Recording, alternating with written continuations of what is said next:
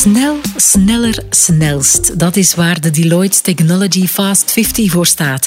Want die Fast 50 dat is de lijst van de snelst groeiende en meest innovatieve Belgische technologiebedrijven. In deze podcast bespreken we met juryleden, experten en winnaars van de Fast 50 de bijzonder sterke omzetgroei van Belgische start-ups en scale-ups. Maar we zijn vooral benieuwd naar de ongetwijfeld zeer boeiende verhalen behind the scenes.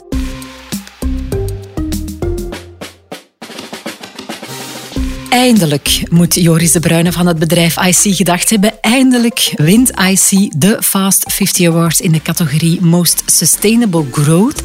Na vier nominaties op rij voor de Fast 50.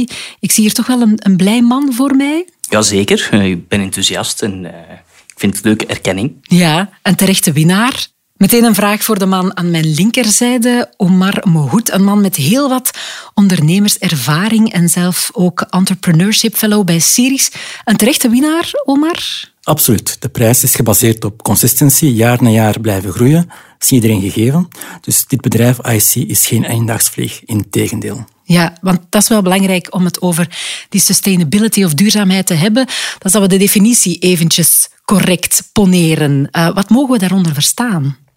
Sustainability betekent eigenlijk duurzaamheid in uh, bestaan, innovatie en groei. Dus op lange termijn blijven bestaan, blijven innoveren als zodanig. Dus wat je krijgt is geen piek in groei die dan stilvalt, wat heel dikwijls gebeurt in de techwereld trouwens, maar dat je effectief in staat bent om jaar na jaar die groei aan te houden. Heel weinig bedrijven kunnen dat doen. En één daarvan is IC. Ja, jij hebt dat dus gedaan met IC, waarvoor uh, proficiat. Nu, het uh, onderwerp van deze podcast is uh, talentmanagement en recrutering. Want jaar na jaar presteren, ja, dan heb je ook wel de juiste mensen nodig, neem ik aan. Ja, ja en, en zeker wanneer je 50% per jaar groeit. Hè, en voor ons was dat organisch, volledig bootstrapped. Tot eigenlijk dit jaar dat uh, Smartfin en ING aan boord kwamen, uh, was dat niet altijd evident. Uh, initieel was dat vooral eigenlijk vanuit het netwerk van onze collega's. Ehm, dan stelselmatig eigenlijk meer via websites, via LinkedIn bijvoorbeeld. En dan nu eigenlijk ook met uh, recruteerders. Dus uh, stap per stap qua maturiteit was sterker. Ja, daar gaan we straks nog even verder op door. Maar misschien beginnen bij het begin. IC, twee woorden. I, oog, kijk. Dat zit niet voor niks in jullie naam. Uh, jullie doen marktonderzoek, maar niet zomaar marktonderzoek. Ja, ja dat is goed gezien, Anne. Ehm, we zijn gestart eigenlijk met, met eye-tracking online te brengen. Um, maar eigenlijk, hoe, je naar IC moet kijken, is het is een marktonderzoeksbureau dat gedragsonderzoek online brengt. En we hebben een, een set van verschillende methodieken, eye-tracking uh, bijvoorbeeld, maar ook gelaatsexpressie, virtual shopping. Dus. En die technieken gaan we gebruiken om uh, een reeks van zaken te gaan onderzoeken. Bijvoorbeeld verpakkingen, uh, e-commerce, tv-spots.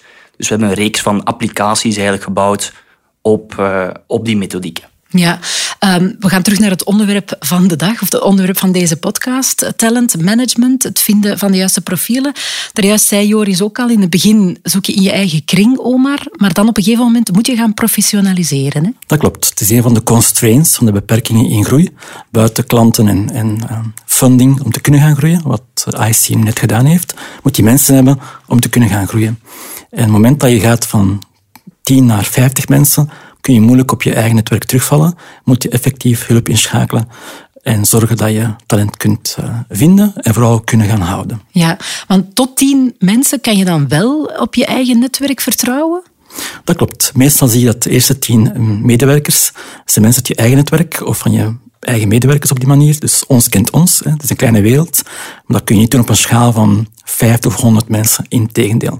Heb je bijna een machine nodig recruitingsmachine die constant talent zoekt en probeert te behouden. Mm -hmm. Jij begeleidt start-ups, scale-ups. Um, via welke professionele platformen kunnen zij dan de juiste talenten aantrekken? Wat adviseer je ze? Ik denk het, uh, het allerbelangrijkste is, groei trekt talent aan. Dus bij dat het effectief groeit, hè, zoals nu de prijs van, uh, die jullie gekregen hebben bij IC, op zich kom je dan op de radar. Ik krijg heel veel wat men noemt inbound, dus mensen spontaan gaan solliciteren.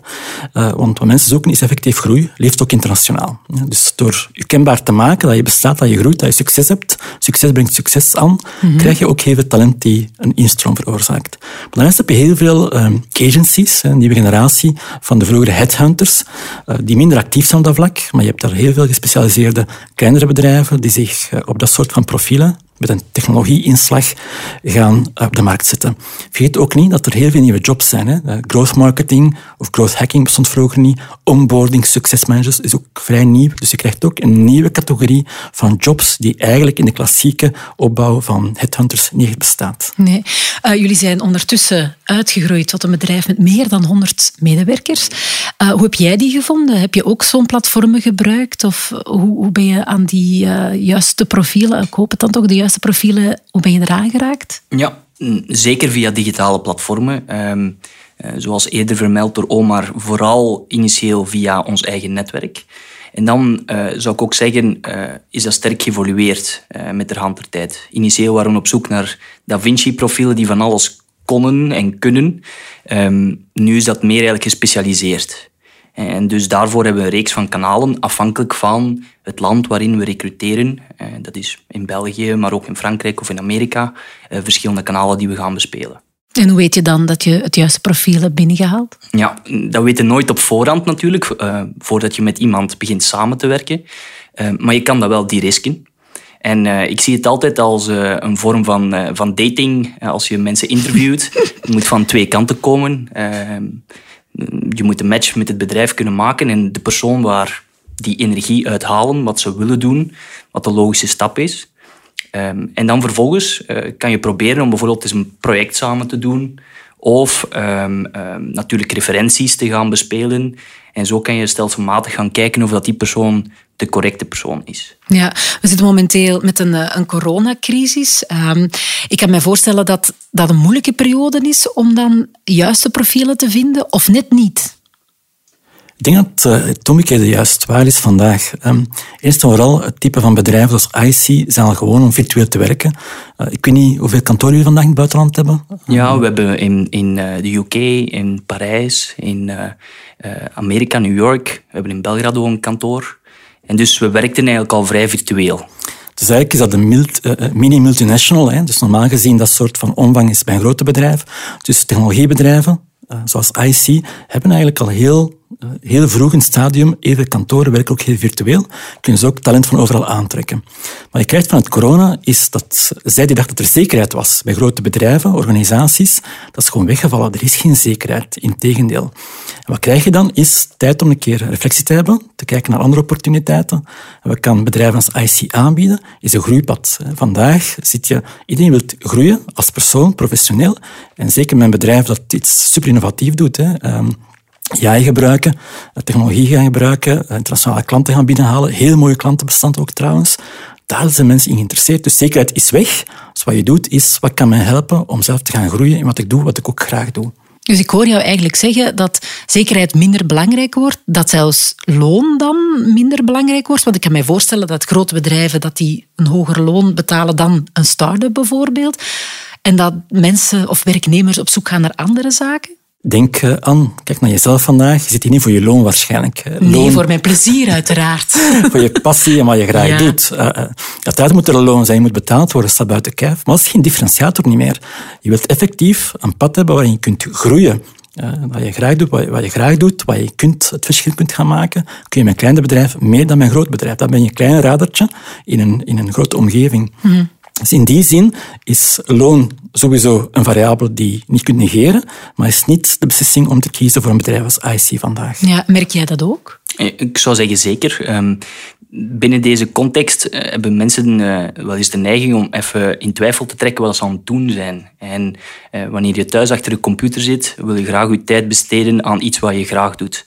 En we zien eigenlijk ook senior mensen die reflectie maken. Dus niet enkel bij, bij jongeren die uh, hun passie aan het nastreven zijn of op zoek zijn naar zichzelf, maar ook voor mensen die tien jaar ervaring hebben. Bijvoorbeeld in Frankrijk Jean-François, tien jaar plus L'Oréal ervaring. Of Jonathan, die bij eigenlijk een, een competitor, een concurrent van ons werkte. Die zei van, kijk eens, oké, okay, IC is de, de toekomst.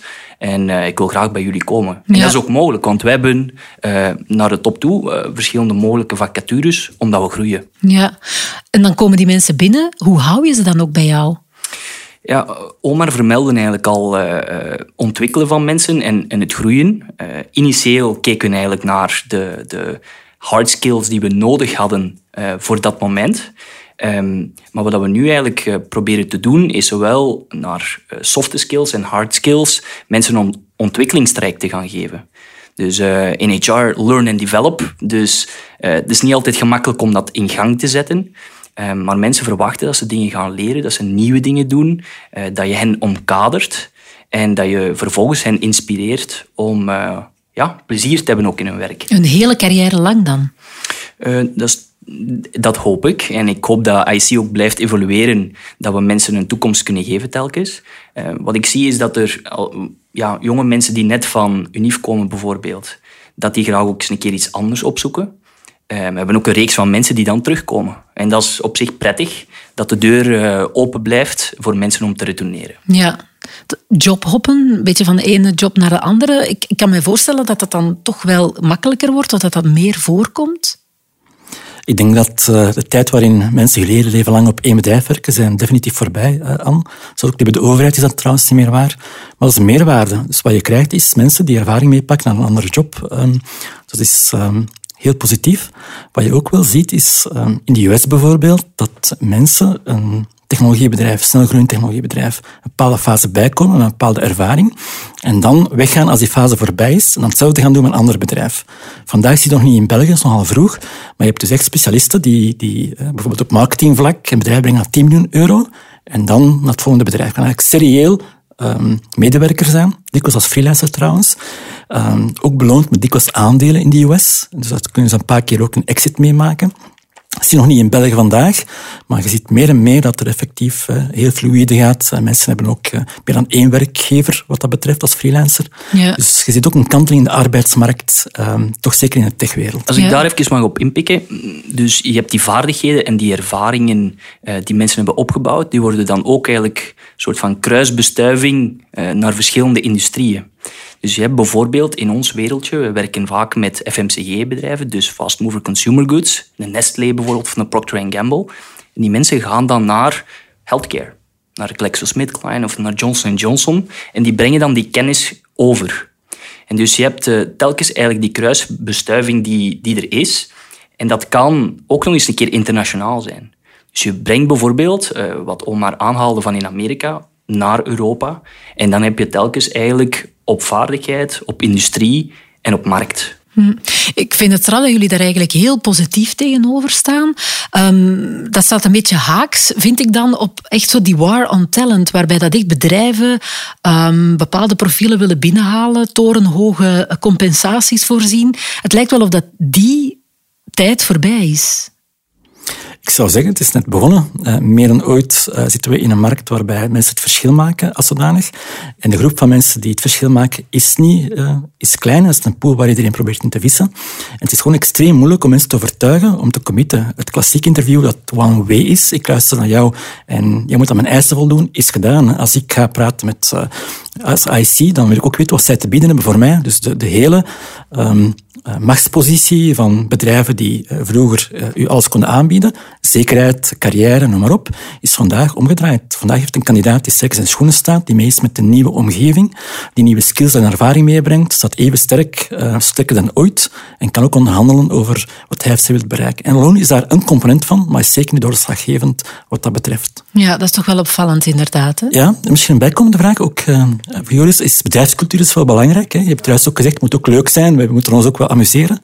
Hoe zou jij dat beschrijven als factor om te kiezen voor een bedrijf en daar ook vooral te blijven? Ja, absoluut. Dat is ook natuurlijk een kwestie. Wie zijn wij? Wat, wat betekent dat voor ons cultuur? En dat is iets dat je ehm, vanuit het managementteam kunt proberen te propageren, maar uiteindelijk moet dat in de mensen zelf zitten. En dus je hebt een, een reeks van waarden. En bij ons bijvoorbeeld, wij zijn uh, stelselmatig aan het evolueren naar ook zelfsturende teams bijvoorbeeld. Dus dat betekent dat binnen onze cultuur het prima is dat mensen autonoom beslissen, dat ze verantwoordelijkheid nemen uh, en dat ze dat open communiceren bijvoorbeeld. En die cultuur, dat, dat moet groeien over tijd. En dat is wel de mayonaise die alles eigenlijk bij elkaar uh, blijft houden. Dus eigenlijk jullie HR-aanpak van in het begin is niet meer dezelfde als die van vandaag? Nee, nee, nee. Ik zou zeggen, initieel was dat ook uh, ja, meer Olivier als founder en ik uh, die die zaken beslisten. En ook snel beslisten van wie dat we wel zouden aannemen en hoe we verder gaan met het bedrijf. En nu is dat op, op verschillende niveaus organischer, yet ook gestructureerder. Dus het interviewproces is gestructureerd, maar um, hoe dat het departement zich uitbouwt, er is een soort van, van vrijheid daar ook rond. Hm. Um, zoeken jullie nog mensen op dit ogenblik? Hebben jullie openstaande vacatures? Ja, zeker. We hebben een reeks van vacatures. En uh, dat begint bij het begin van, uh, van de funnel rond, rond sales. Dus goede mensen die met klanten kunnen interageren, die kennis hebben van uh, de markten die ik zo net benoemde. maar ook data science bijvoorbeeld, dat is heel hip. gaan kijken naar het ontwikkelen van nieuwe algoritmes bijvoorbeeld, met machine learning. Uh, maar ook mensen die dat interpreteren. Bijvoorbeeld uh, psychologen, uh, die eigenlijk gaan kijken wat betekent dat gedrag nu precies. Ja. Um, vacatures genoeg blijkbaar. En dit is ook een kanaal uiteraard. Dus mensen die zich geroepen voelen. Zeker. Die kunnen misschien eventjes naar jullie website surfen. ic.com geloof ik dat het ic-research.com. ic-research.com. En I see, ja, jullie hebben ook meer te bieden dan loon alleen. Onder andere ook heel wat awards op de plank. Hè? Je hebt er nu net één bij, eentje van Fast 50, Most Sustainable Growth, maar dat is niet de enige. Jazeker. Um, ik, ik zou zeggen, erkenning is ook iets belangrijk en, en onze professionele ontwikkeling en de, de uitdagingen die ermee gepaard gaan. En we hebben vorig jaar zo'n prijs gewonnen met, uh, met Microsoft. Um, dit jaar hebben we een prijs samen met Twitter in Amerika. En dat is voor ons ja, zo de, het wereldkampioenschap. Um, en dat heb je gewonnen dan? Ja, ja, ja, ja. dus die, die award hebben we gewonnen uh, in de VS. Quirks heet dat dan. Uh, en ja, volgend jaar gaan we natuurlijk meer categorieën proberen aanboren. Ja, redenen genoeg om eens naar de website te kijken en uh, die vacatures eens te checken. Ik wil afsluiten, beste heren, met jullie ultieme tips um, rond talent management en HR management voor start-ups, voor scale-ups, voor ondernemers die het kunnen gebruiken. Omar, kijk even naar jou. Dat is heel eenvoudig aan. Um, als CEO of founder stik meer tijd in recrutering. Kort maar krachtig. En Joris, heb jij een tip? Ja, ik zou vooral kijken naar de persoonlijkheid en naar de fit met het bedrijf. Het is niet altijd makkelijk om, om initieel zomaar te weten te komen, maar bijvoorbeeld door een reference call kan dat prima. En uh, daarboven zou ik zeggen, als mensen goesting hebben om te groeien en om uitgedaagd te worden, ik denk dat dat een van de belangrijkste elementen is. Ja, dank je heren voor de insights, voor de laatste tips ook. Uh, Joris de Bruyne, veel succes gewenst bij de verdere ontwikkeling van IC. Vraag mij trouwens af, kan je nog eens die award winnen of kan je niet maar één keer winnen? Uh, zoveel als dat eh, de groei blijft duren. Hè. Dan uh, wens ik jou daar veel succes mee. En Omar Behoed, ook jij bedankt om je kennis over recrutering en groei van start-ups met ons te delen en ook met de luisteraar te delen. Ik wil diezelfde luisteraar ook nog graag warm maken voor onze volgende aflevering, waar de winnaar in de categorie FinTech van de Fast 50 aan bod komt. En dat is het bedrijf Silverfin uit Gent. Tot dan.